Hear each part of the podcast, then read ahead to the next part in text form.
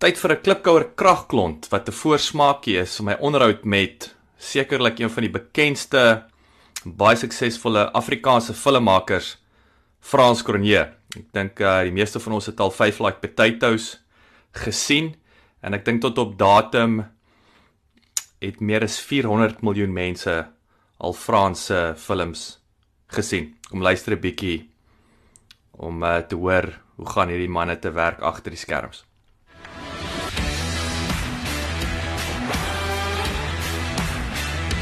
Klipkouers waar ons elke week met Afrikaner entrepreneurs en impakmakers gesels ten einde die beste praktiese besigheids- en lewensadvies met jou te deel. Jou gasheer en mede-klipkouer, Jacques Basson.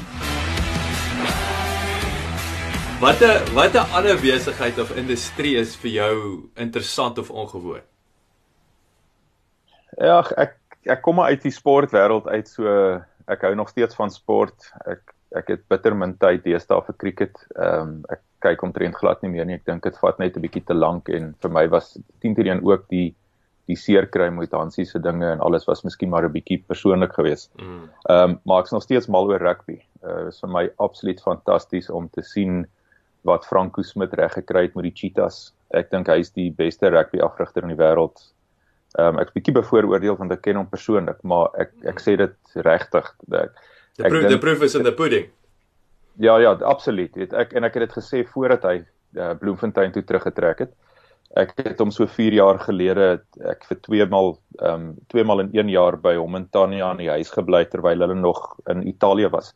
Hy het vir 11 jaar het hy die Treviso rugby span afgerig daar. Ehm um, baie suksesvol. Weet so suksesvol dat dat ek dink omtrent 25 van sy spanlede was in Italiaanse span op 'n stadium. Hy moes 3 spanne coach net jo. om dan 'n span te hê wanneer Italië speel.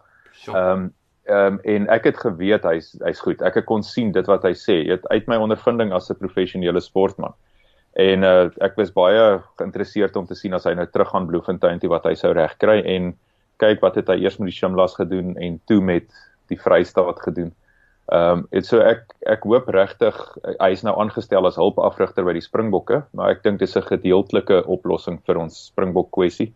Ek dink ehm um, om iemand soos hy werklik waar 'n verskil te laat maak moet hy die hoofafrigter wees. So ek hoop hy kry nog iewers geleentheid om die hoofafrigter van die Springbokke te wees. Ehm um, maar ja, rugby is vir my great. Dit is my lekker om te kyk. Dit is 'n fantastiese sport. Ehm um, en uh, uh ek dink as jy nou sê ander industrieë uh daar's omdat ek 'n taamlike kreatiewe persoon is, dink ek trek die kreatiewer industrie meer my aandag as wat die as wat die uh, realistiese industrie trek.